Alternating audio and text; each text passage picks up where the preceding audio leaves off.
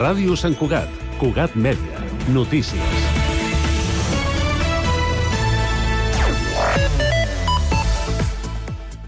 L'exdirector del Cor de Pedra i Sang, Albert Santiago, ha estat guardonat amb el Gai d'Or d'honor que Amics de Pedra i Sang entrega per reconèixer persones que tinguin relació amb el muntatge teatral.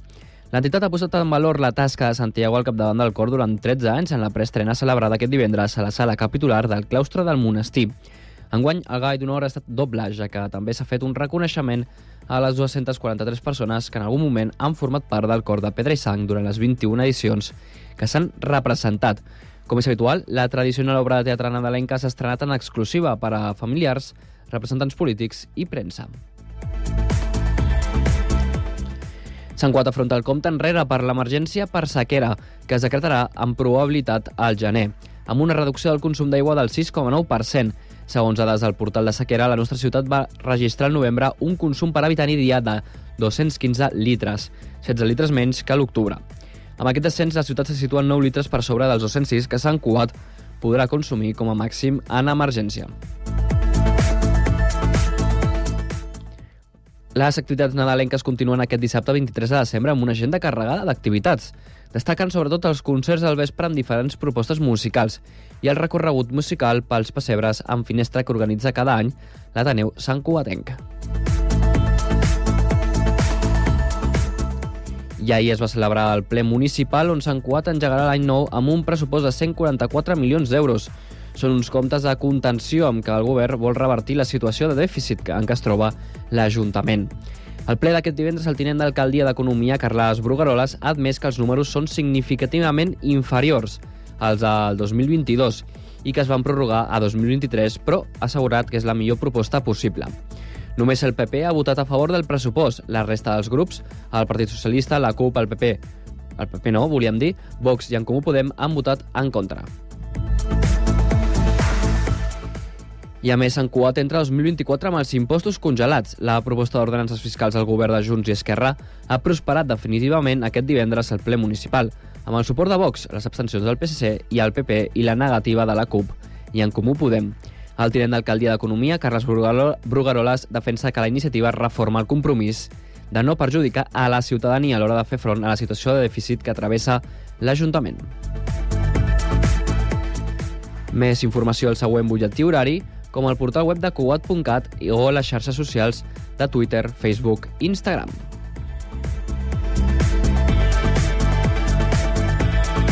Cugat Mèdia, la informació de referència a Sant Cugat.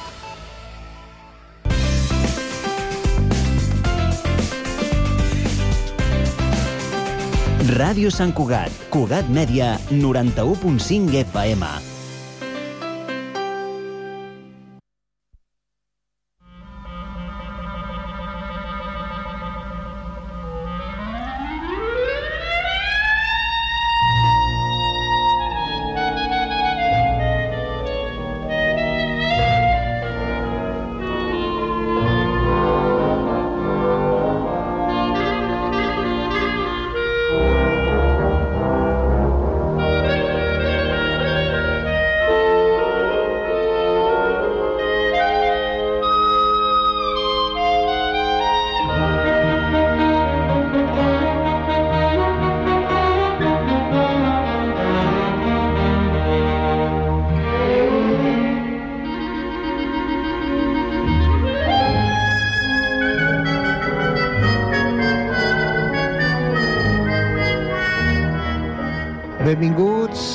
Estimats parroquians i parroquianes, tortugos i tortugues.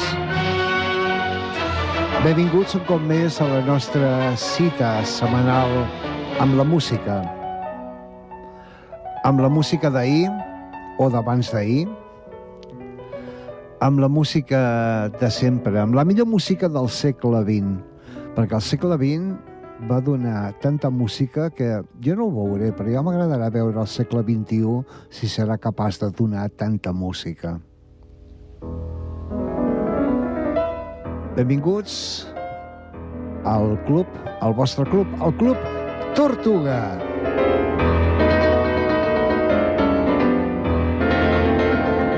Avui hem canviat de sintonia, com heu pogut eh, veure, perquè fixeu-vos que eclèctics que som en el Club Tortuga, eclèctics, m'encanta aquesta paraula, eclèctics, que la setmana passada teníem aquí a Josep Camps i vam estar parlant de punk.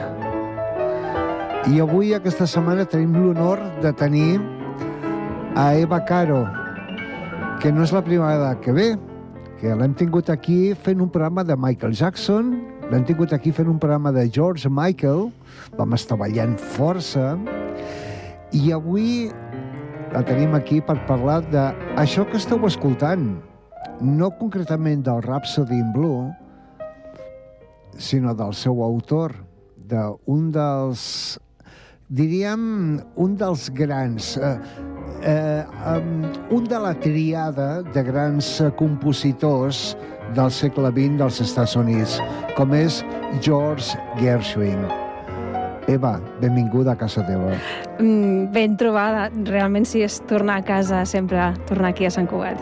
Sí, perquè tu has estat aquí durant bastant de temps, Em, eh? sí, sí, sí, en diferents etapes. Quan venia cap aquí pensava, i tres etapes, vaig començar allà al carrer Sant Jordi, o sigui que sí, fa, fa temps, fa temps, fa temps. Sí, sí. Encara me'n recordo dels estudis de Sant Jordi, carai. I tant. poca gent dels que queden poden, són, poden ser capaços de dir això. Sí, efectivament. Doncs uh, Jacob Gershovich. Mm -hmm. Gershwin. Afortunadament, mm, més fàcil de dir que no pas Gershovich. Sí. Doncs sí, va néixer doncs, el 26 de setembre del 1898 i va morir molt i molt jove, amb només 38 anys. Només de pensar tot el que hauria pogut fer aquest home, si hagués viscut, viscut més, és increïble. Doncs sí, va néixer en una família doncs, eh, d'origen ucraïnès i eh, se'l considera una mica de seguida com una mena de nen prodigi, perquè teníem diversos germans, el seu germà Aire, amb qui composava. Al cap i a la fi, eh, és veritat que parlem de Gershwin, però ell feia la música, era un gran compositor i la majoria, bé, quasi totes les lletres de les cançons eren del seu germà, Aire Gershwin. Eh, doncs eh, van comprar un piano a la família perquè eh, l'Aire toqués el piano, n'aprengués, però de seguida van veure que qui n'aprenia, qui més el tocava, era eh, un, el petit, mitjà, no era el petit, el George. I doncs va començar a estudiar harmonia, teoria, i bé, doncs va com començar a composar. A les, als 17 anys ja tenia unes primeres cançons fetes, que no està gens, mm. -hmm. gens malament. Eh, de fet, una de les primer, el primer èxit, gran èxit, va ser Swanee, que va popularitzar molt Al Johnson, no? que és aquell que la gent, si no ho coneix, és eh, el cantor de jazz, que és la primera sí. pel·lícula eh, cantada sonora, I que es pintava de i negre. que es pintava de negre, perquè en aquella època doncs, eh, aquest tipus de músiques es cantaven, i era, era una forma, de, un, un estil de, de, de musical, doncs eh, justament Al Johnson, aquesta, aquest home, va mm, popularitzar aquesta cançó que es deia Swanee, o sigui, que Ahà. estem parlant de, dels inicis de, del que podríem dir la música nord-americana com a tal. Sí, o sigui, el que, el que moltes vegades es parla de la gran novel·la americana i es parla de Herman Melville, doncs aquí la, la, diguem, la, la música americana de per si eh, neix eh, gràcies a, a gent com, com Gershwin. Els altres dos de la tríada podien dir que són Irving Berlin I i Cole Cole Porter. Porter, efectivament. Mhm. Que també t'emplaço aquí per fer un tortuga per cadascun d'ells, per Jo, Irving quan Vulguis. i per Cole Porter. Jo, quan vulguis, sempre, sempre eh, són com la gran tríada, són els tres pares no, de la música nord-americana, sobretot els dos primers, eh? o sigui, perquè Porter era molt, era molt especial, molt prolífic, però Irving Berlin i, i Josh Gershwin, a més, Berlin va ser com una miqueta previ a, a Gershwin, sí. eh, són els dos grans pares de la música nord-americana. I com en aquesta ocasió tindrem una cadira aquí eh, davant perquè parlar d'això i parlar amb tu d'això eh, Mm, sí. en Josep Maria Elvira d'alguna manera estarà aquí. Ah, li encantaria estar aquí, segur, segur. I, de fet, d'alguna manera, hi és, hi és amb nosaltres. Efectivament. Anem a, si et sembla, escoltar una primera cançó de l'extensa producció de, de George Gershwin. Una cançó que es diu The Man I Love. Uh -huh. Uh, podries dir uh, aquesta cançó quin, de, quin, de quin període pertany? Doncs això és de les primeres cançons que, que hi ha, si la primer, el primer gran èxit va ser Swanee, és del 1919.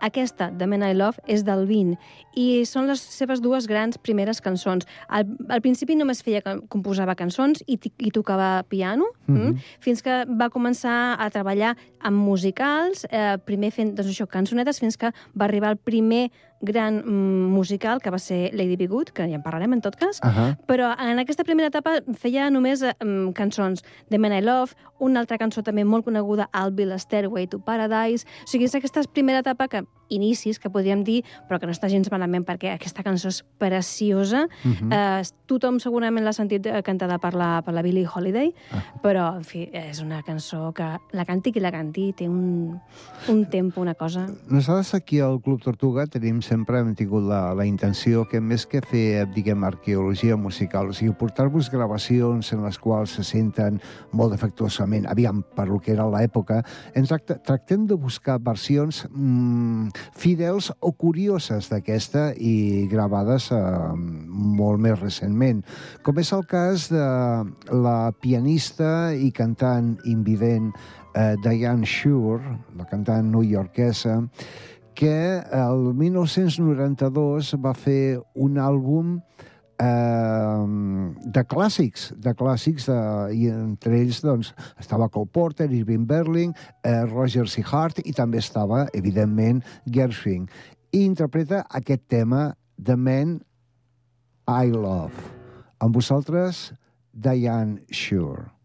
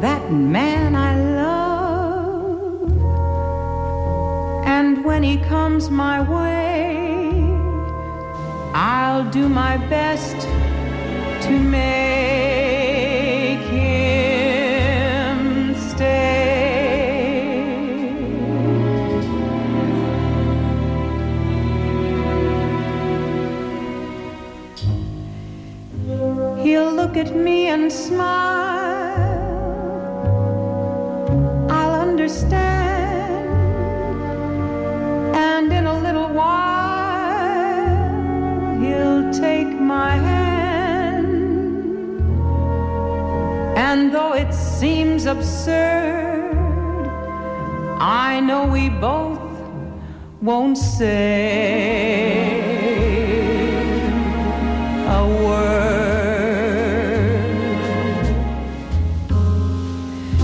Maybe I shall meet him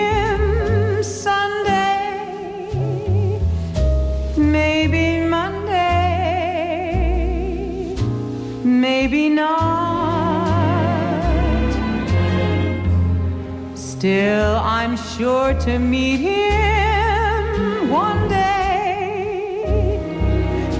Maybe Tuesday will be my good news day.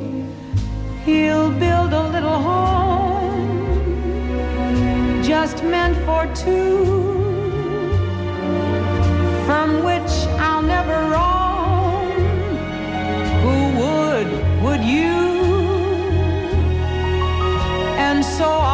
above, I'm waiting for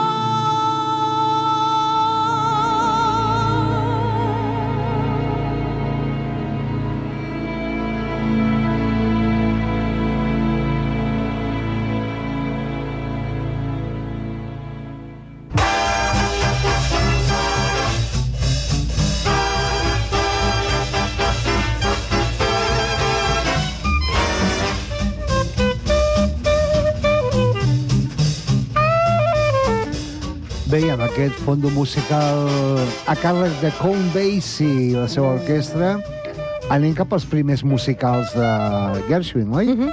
Sí, correcte. El primer musical sencer que va fer va ser el 1919, l'Ala Lucille, però el primer que va tenir èxit i que van fer els dos germans, Gershwin, va ser Lady Be Good, el 1924. Dos germans eh, que eren els pares de la composició i dos germans que eren els intèrprets, Fred i Adele Astaire. La primera col·laboració d'unes quantes, que per Fred Astaire va treballar moltíssim amb, amb, amb els Gershwin. I, per exemple, d'aquest muntatge són dos temes importants, uh, Lady Be Good Mhm. i Fascinating Rhythm, que també és un tema amb un ritme molt picat perquè una de les coses que més car- caracteritza la, la música de Gershwin és aquest gust que tenia pel ragtime, que Sí. realment era el que, el que més escoltava en l'època, però que ell la sabia barrejar, li donava aquest punt eh, amb, amb els seus coneixements i amb el seu gust amb la música sinfònica. Llavors, és aquí on fa aquesta barreja de música negra amb una música sinfònica Sí. i d'aquí és on justament neix, eh, neix eh, aquest estil de fer tan americà de música, no? Ahà. No, i pre- precisament uh, Gershwin, um, evidentment, eh, tot, tot nano nord-americà, eh, tot nano nord-americà, perquè ell encara Mm. era fill de, Sí, de, sí. Eh, de, de migrants eh, ucraïnesos, jueus que fugien de, dels programs de la Rússia zarista. Clar, eh, troba, es troba eh, que arribes als Estats Units, havia més una precisió que troba tothom que arriba als Estats Units, no? que la música la sents per tot arreu. Mm. Vull dir, mm, eh, i lògicament la música que imperava, sobretot en els barris humils, era la música, la, la race music, la música, diguem, racial, no? Vull dir, Mm. el jazz... el Que... I, mm, i, eh, i clar, eh, gràcies a Déu, eh, la música ha evolucionat perquè blancs i negres s'han estat copiant mútuament. O sigui, del, del jazz Dixieland de Nova Orleans, els blancs van veure que allò era una passada i que s'ho passaven molt bé els negres ballant, i aleshores van decidir, com els, els, els blancs no tenen la capacitat per poder ballar, eh, de comptar compassos. I així va néixer el Charleston.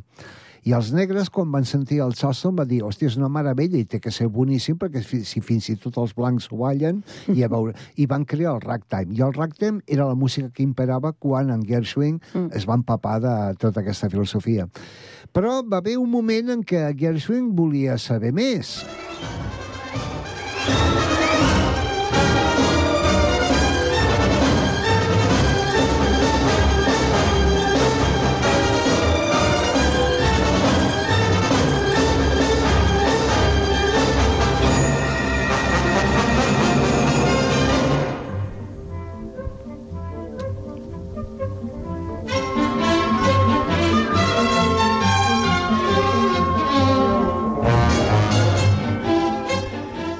Ens trobem que a Gershwin, com un americano en París, se'n va anar a París a aprendre.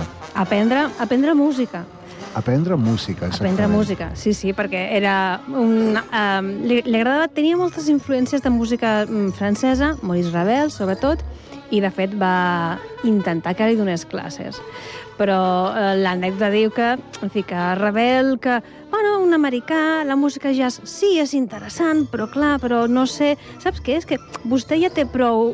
Té com una mena de do que si li ensenyo eh, les normes estrictes de certes potser perdrà aquesta naturalitat i sap què? No vulgui ser un segon eh, rebel si pot ser un primer Gershwin. Exactament. Aquesta és una de les anè- anècdotes que diuen que li, també ha aplicada a Stravinsky, Sí. però la, la conclusió és que mm, no va rebre aquestes classes. La qüestió és que tots els compositors clàssics es desempallegaven d'ell.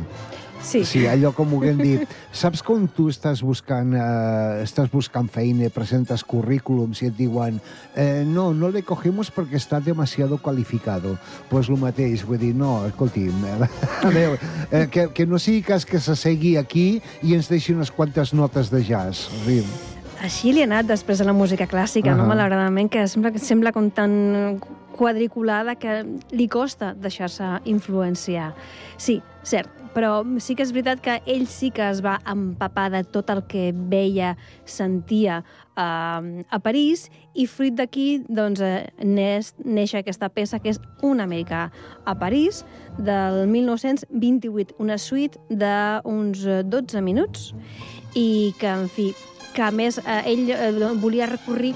Eh, és una mena de repàs de les sensacions que un americà té doncs, en qualsevol eh, escena i en qualsevol carrer. I fins i tot sentim alguns claxons que ell, no sé com, però els va poder enregistrar, claxons de París, ah. i que Ah. després apareixen en, en, en la seva obra, no? Sí, sí, sí.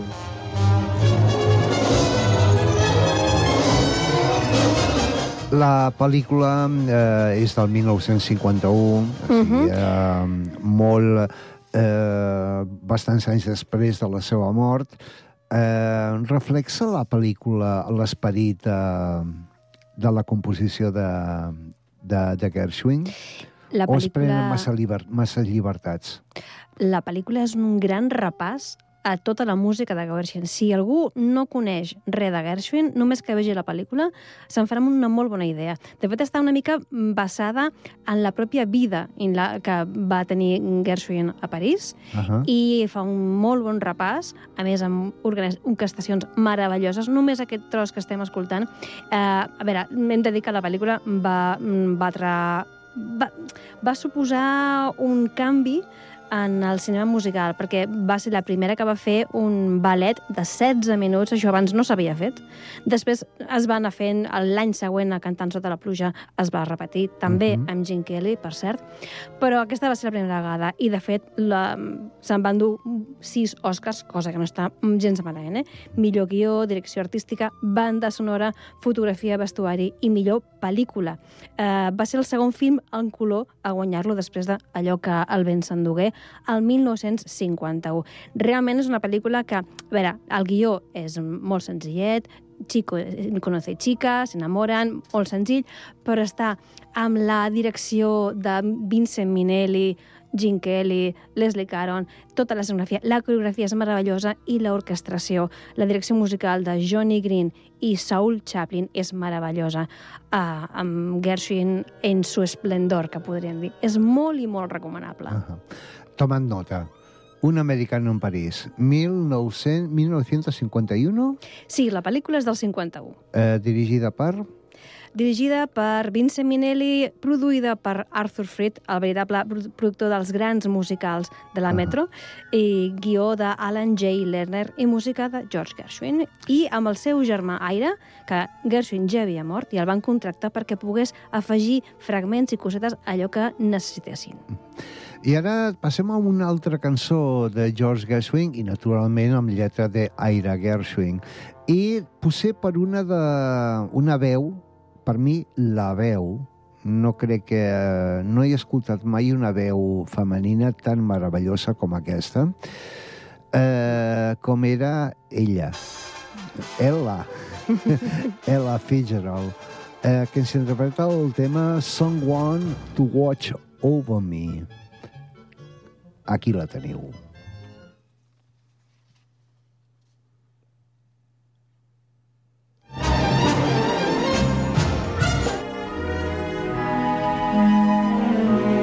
There's a saying old says that love is blind.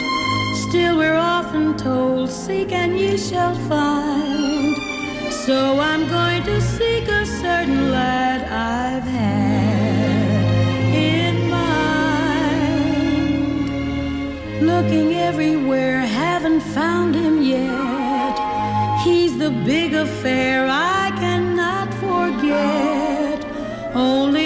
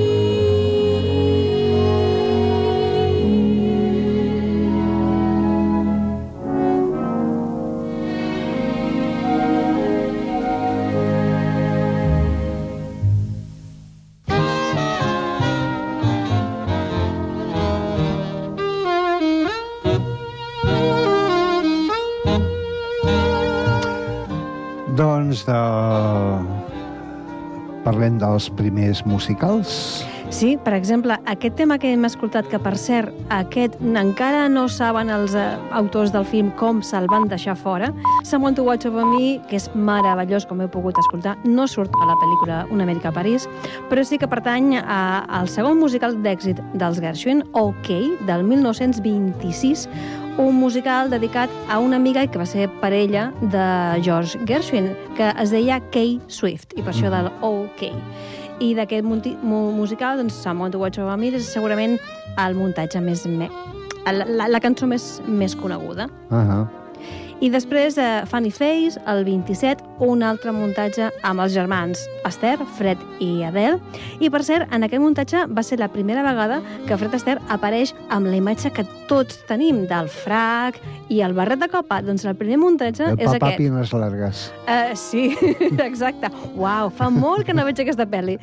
Eh, doncs això, sí, Funny Face. I després, el 57 se'n va fer una pel·lícula, però que no tenia res a veure, per això, però que sortia altra vegada Fred Astaire, atenció, amb l'Audrey Hepburn, que evidentment és la Funny Face, aquella cara d'àngel, que Ahà. va ser el nom que es va posar aquí en castellà, una cara con àngel, doncs així. I d'aquest muntatge, Funny Face, How Long Has, been, has This Been Go- Going On, un dels temes més coneguts de Gershwin is Wonderful, que és també i He Loves and She Loves. Són alguns dels temes de- d'aquest muntatge Funny Face. La pel·li, bueno, està bé, té quatre cançons i l'Audrey Hepburn eh, es destapa com una gran ballarina, que no ho sabíem. Ella va fer ballet, va estudiar ballet Uh -huh. i canta prou bé. O sigui bueno, que és... els actors nord-americans surten molt preparats, eh? De...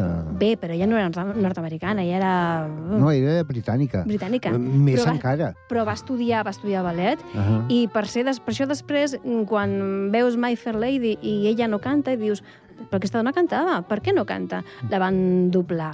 Però Ah. bé, però mm, realment molt bé i balla realment molt i molt bé. I després, el 1930, un dels muntatges que van tenir més èxit, Girl Crazy, amb Ethel Merman, que és com una mena de mm, gran tòtem de, mm, de l'escena nord-americana de Broadway. I en aquesta orquestra, per cert, va tocar Benny Goodman o Glenn Miller, que no està gens malament eh, com a intèrprets. Sí. De Girl Crazy, doncs, destaquem... Bueno, segurament és dels muntatges que tenen més cançons conegudes. I Got Rhythm, But Not For Me, Embraceable You i Biding My Time. O sigui, quatre, per exemple, que poden ser del top 10 de, dels temes de Gershwin. Doncs, si us sembla, ara podem escoltar el tema But Not For Me, interpretada pel com famoso trompetista, en aquest cas Blanco, uh, Chet Baker. But Not For Me, Chet Baker, aquí el teniu.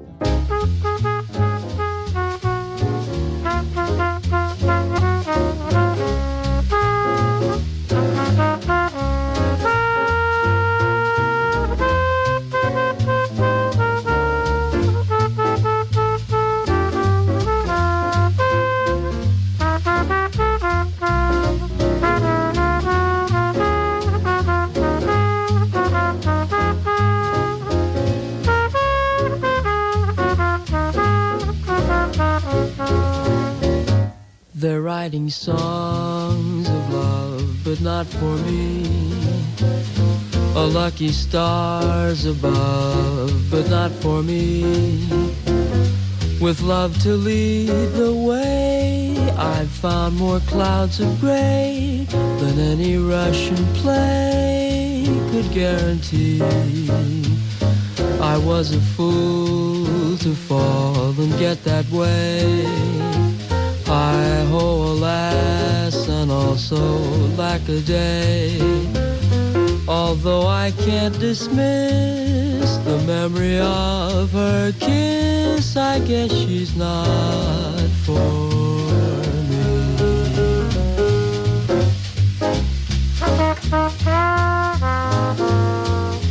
me.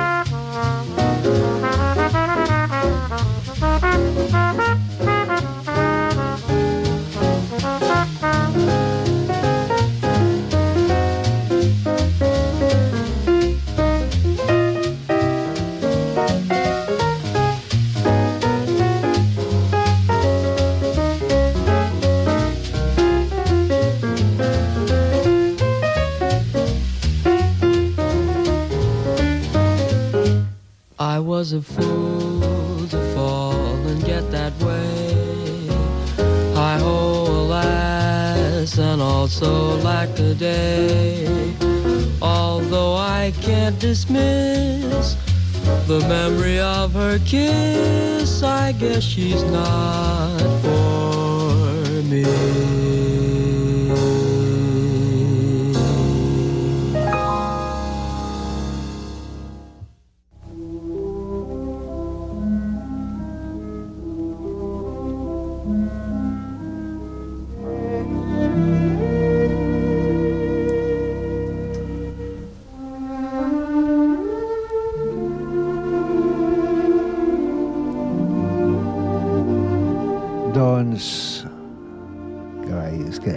Jo, quan Costa sento... trepitjar quan aquesta música. Sí, sí, sí, sí. No, no, no, de veritat, és... és... Uh, seguim, seguim, va. seguim. Uh, els següents musicals... Doncs Strike Up the Band, el 1930, i sobretot el 32, Of the Icing, és el primer musical a la història que va aconseguir el Premi Pulitzer, eh, amb un llibret de George S. Kaufman i Morrie Riskin, i és una obra totalment satírica sobre els polítics, i era una crítica que crítica a totes les institucions nord-americanes, totes, no se'n salvava ni una, el Congrés, la Cort Suprema, tota. I I estem parlant de l'any 32. 32. I els americans ho premien, que jo penso que és d'aquestes coses que aquí no passaria. Uh -huh. Sí, i és, diuen que és el musical més madur dels Gershwin i que va estar més temps en cartellera mentre George Gershwin va, va estar viu. Doncs eh, ja inclou temes com Who Cares, Love is Sweeping the Country i Of the I Sing. Però malauradament no tenim gravacions de... No, no hi ha gravacions d'aquesta... Només queda la, el tema que es diu igual, Of the I Sing, però no hi ha gravacions d'aquest muntatge, curiosament. Ostres. Sí, jo no he trobat mm, gravacions. Bueno, eh, suposo que tampoc les autoritats eh, estaven massa interessades en conservar-ho tot això. Curiós, curiós. No, no, no deixa de ser curiós. Sí, a, vegades, eh, a vegades ens fem preguntes, però les fem en veu baixa perquè no, possiblement no ens agradarien les respostes. Doncs sí, però és veritat que Gershwin va ser el primer muntatge musical a aconseguir un premi Pulitzer, que es diu Ràpid, i de fet va ser un home que va, va ser com primerenc eh, en moltes coses. Primer Mhm. muntatge i primera òpera. I primera òpera. Ah, Porgy i Bess. Uh -huh. Uh, Fem-nos cinc cèntims d'aquesta òpera. 5 cèntims, lletra d'Aire, eh, i Dubois, uah, Dubois Hayward, suposo, um, amb la música, evidentment, del George Gershwin, i que, en fi, doncs que no deixa de ser la culminació d'un somni de George, que va primer llegir la novel·la del senyor Hayward, que es deia Porgy només, eh, i ell va dir que d'això se n'havia de fer un musical. Llavors l'escriptor estava treballant en l'adaptació a l'obra per al teatre, però teatre de text, que es va estrenar al 33. Va ser després d'això que Gershwin doncs, es va traslladar a la casa de l'escriptor, que era molt a prop de Charleston, i allà, rodejat i podríem dir fins i tot submergit en la música negra de la, dels Gula Negros, ritmes, músiques, mises, tot aquell entorn eh, mur, purament negre va ser el que va acabar d'inspirar i segurament crear doncs, aquesta barreja d'òpera amb música sinfònica i amb aquesta arrel negra i a més explicant història de, una història de negres. Sí, que només de sí. pensar com li, se li va passar pel cap amb ell, clar, això va crear com molta estupor eh, entre el públic.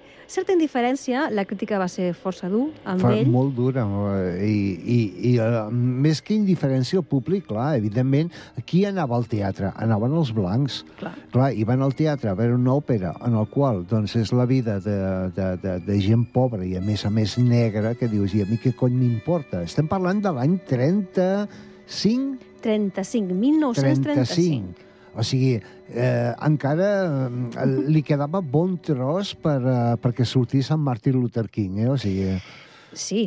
eh, com uns 30 anys. Eh, Gershwin va ser eh, una persona avançada al seu temps. Vull dir, Totalment.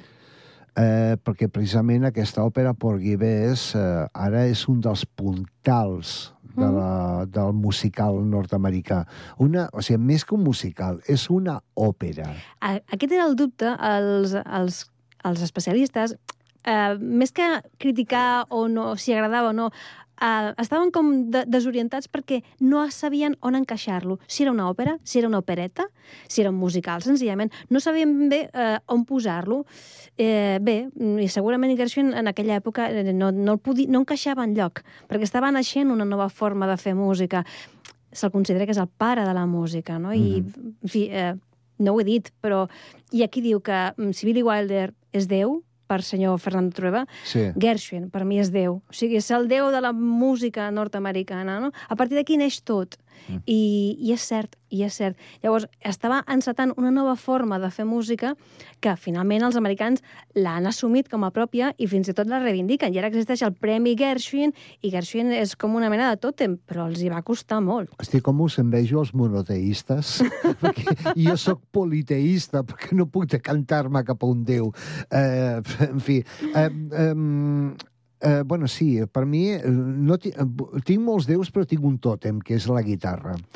I aleshores, eh, amb aquest tòtem, eh, anem a portar-vos una cançó de Porgy i Bess. Naturalment estem parlant de l'ària, Uh -huh. de l'ària, Ària, que molts diuen que és una nana, de fet. és una nana, efectivament, però que en, el seu origen és un blues de 4x4, que és uh, Summertime, i uh, a càrrec d'un guitarrista magnífic. Leslie West, no us dirà gaire aquest nom, va muntar a, a finals dels 60 un grup que es deia Mountain, amb Félix Papalardi i Corky Lane, però que va coincidir amb el temps amb el amb de- d'Eric Clapton i, clar, les uh, comparacions són odioses, no? Però Leslie West ha estat un dels grans guitarristes de blues. I aquí teniu, atenció, seieu, eh, tanqueu els ulls i gaudiu d'aquesta preciositat com és Summertime a càrrec de Leslie West.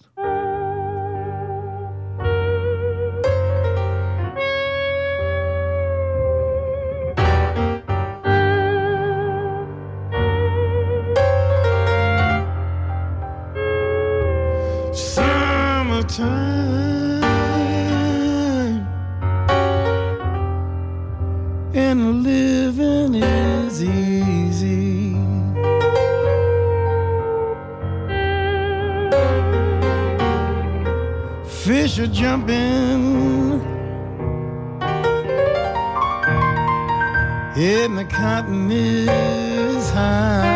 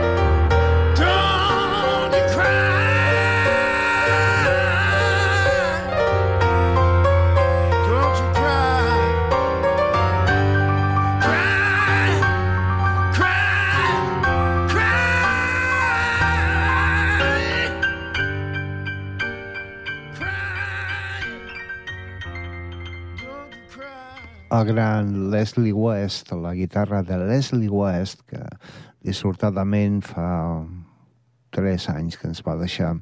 I seria injust no anomenar el genial pianista que l'ha acompanyat, Brian Mitchell. Eh, ens, han ofert aquesta versió de Summertime. Seguim.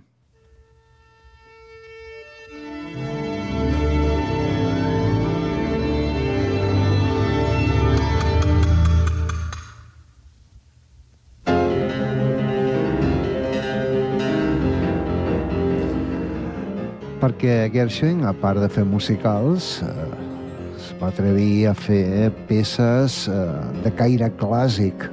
Total. Um, per això, de fet, el seu estil era tan sinfònic i tan barrejat amb el jazz que, que sí, i doncs Una Amèrica a París era una obra sinfònica, el, amb el que hem obert Rhapsody in Blue també era sinfònic, un encàrrec de Paul Whitman, per cert, i doncs eh, aquest, aquest, aquesta peça que escoltem és del 25, és el concert, concert infà per a piano.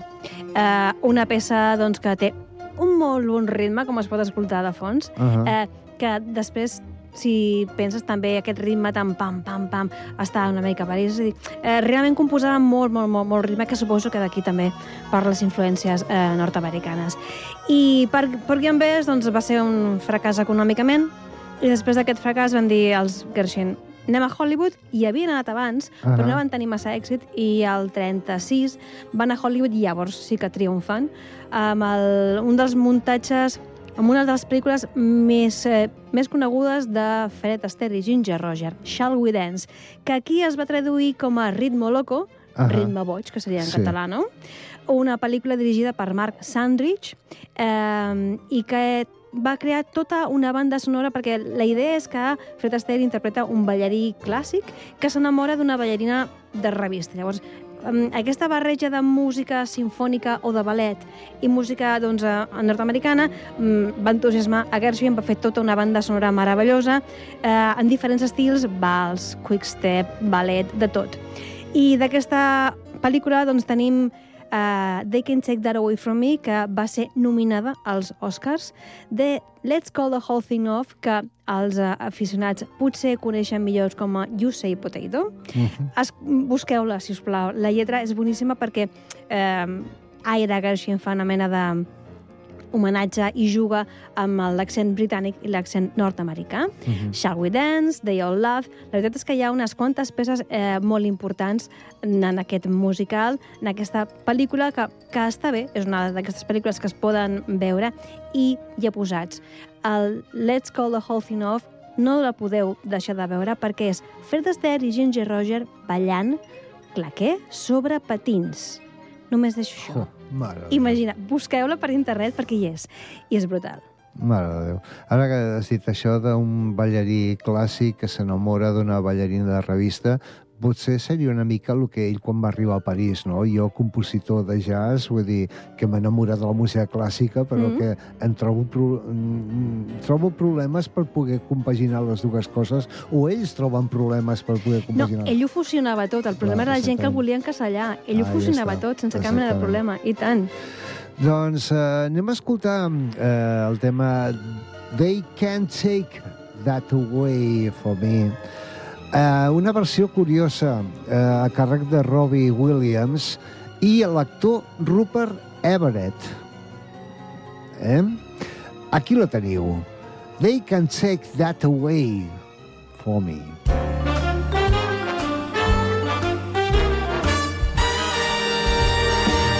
The way you wear your hat, the way you sip your tea, the memory of all that. No, no, they can't take that away from me. The way you smile just beams. The way you sing off key. I ain't flat, the band sharp. The way you haunt my dreams. Oh, no, they can't take that away from me. We may never, never meet again on this bumpy road to love. Still, I'll always always keep the memory of the way you hold your knife, The way we danced till three. the way you changed my life. Oh no, they can't take that away from me. No, No, they can't take that away from me. Not without a lawyer,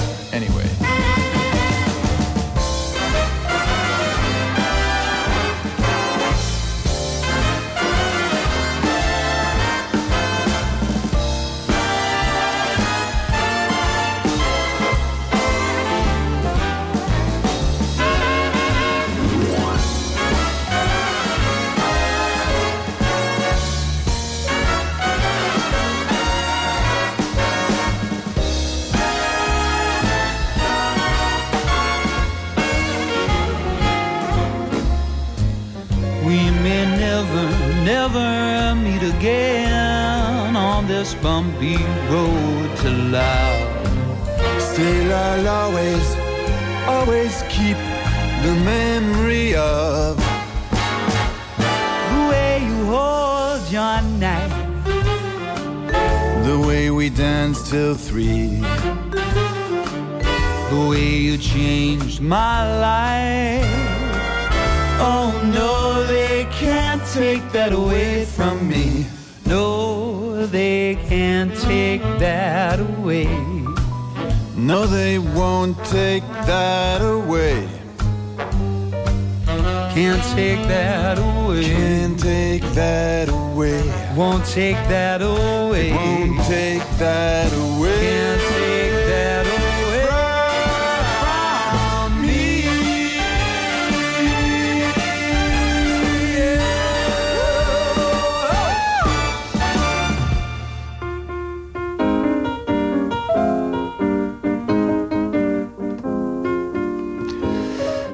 Doncs eh, hem arribat al final del nostre programa. Eva, les darreres pinzellades d'aquest genial compositor. Doncs que el que he dit al principi, llàstima que va morir molt jove el 1937 d'un tumor cerebral, que ell tenia mal de cap molt sovint, molt sovint, els metges no li feien massa cas perquè era una mica hipocondríac i quan ho van detectar doncs ja era massa tard i va morir doncs, eh, deixant una obra inacabada. Va fer eh, The Golden Follies, eh, en fi, un muntatge que estava a mitges, però que té dues cançons que han quedat I Was Doing All Right i sobretot Our Love is Here to Stay, una peça que, per cert, al muntatge eh, a la pel·lícula doncs, eh, és la balada que balla Gene Kelly i Leslie Caron al costat del Sena i que després Woody Allen va parodiar en el seu mm, Todos dicen I love you, eh, ballant amb la Goldie Hawn. Eh, meravellosa, totes dues versions en clau molt diferent. Però és una peça meravellosa i llàstima que aquest home va morir molt jove perquè imagina't que hagués viscut doncs, com el seu germà. El seu germà, si no m'equivoco, va arribar quasi als 90 anys. O sigui que, déu-n'hi-do. Però Gershwin va marxar massa d'hora. Sí, de vegades, eh, a vegades ens preguntem eh, una sèrie de persones que s'han deixat abans de temps, Janis Joplin, Jimi Hendrix, eh, que, què haguessin arribat a fer. Eh, però sempre ens queda allò de dir però la quantitat de música que ens ha deixat Mm. Meravellosa. Eh, més, val, eh, més val allò de dir, mira, dissortadament s'ha trencat massa d'hora que no veure alguns músics com han acabat amb decadència, no? Cert. Eh, Eva, un plaer tenir-te aquí i repeteixo, repeteixo per la propera temporada Cole Porter i Irving Berlin. Encantadíssima. Sempre que vulguis jo vindré, segur. Perfecte. Gràcies. Doncs us deixem aquí amb aquesta cançó, Our Love is Here to Stay, en versió de, atenció, Eric Clapton. Mil gràcies. Pep Alia, com sempre, un plaer, un immens plaer d'haver compartit un trosset de cap de setmana amb vosaltres i us esperem aquí, dissabte vinent. Mil gràcies per la vostra companyia. Adéu-siau. It's